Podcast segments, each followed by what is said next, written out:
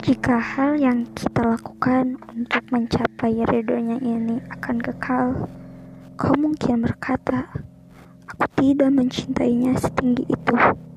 Dan mungkin harapku belum sebesar itu. Langkah ini menintis senja, menghabiskan sisa jejak yang disapu ombak. Saudariku, inilah tugas kita dalam hidup ini. Mengenalnya itulah langkah pertama agar kita mencintainya. Ketahuilah, dia siapa yang mencintai, yang menciptakanmu. Kenapa dia memberikan miliaran hal tiap harinya? Bacalah, dunia terhampar luas membentang seluruh harap untuk dikenang. Semailah Mengubah nol menjadi satu adalah proses hidupmu dan mulailah di mana kau melewatinya dan cobalah untuk memperbaikinya.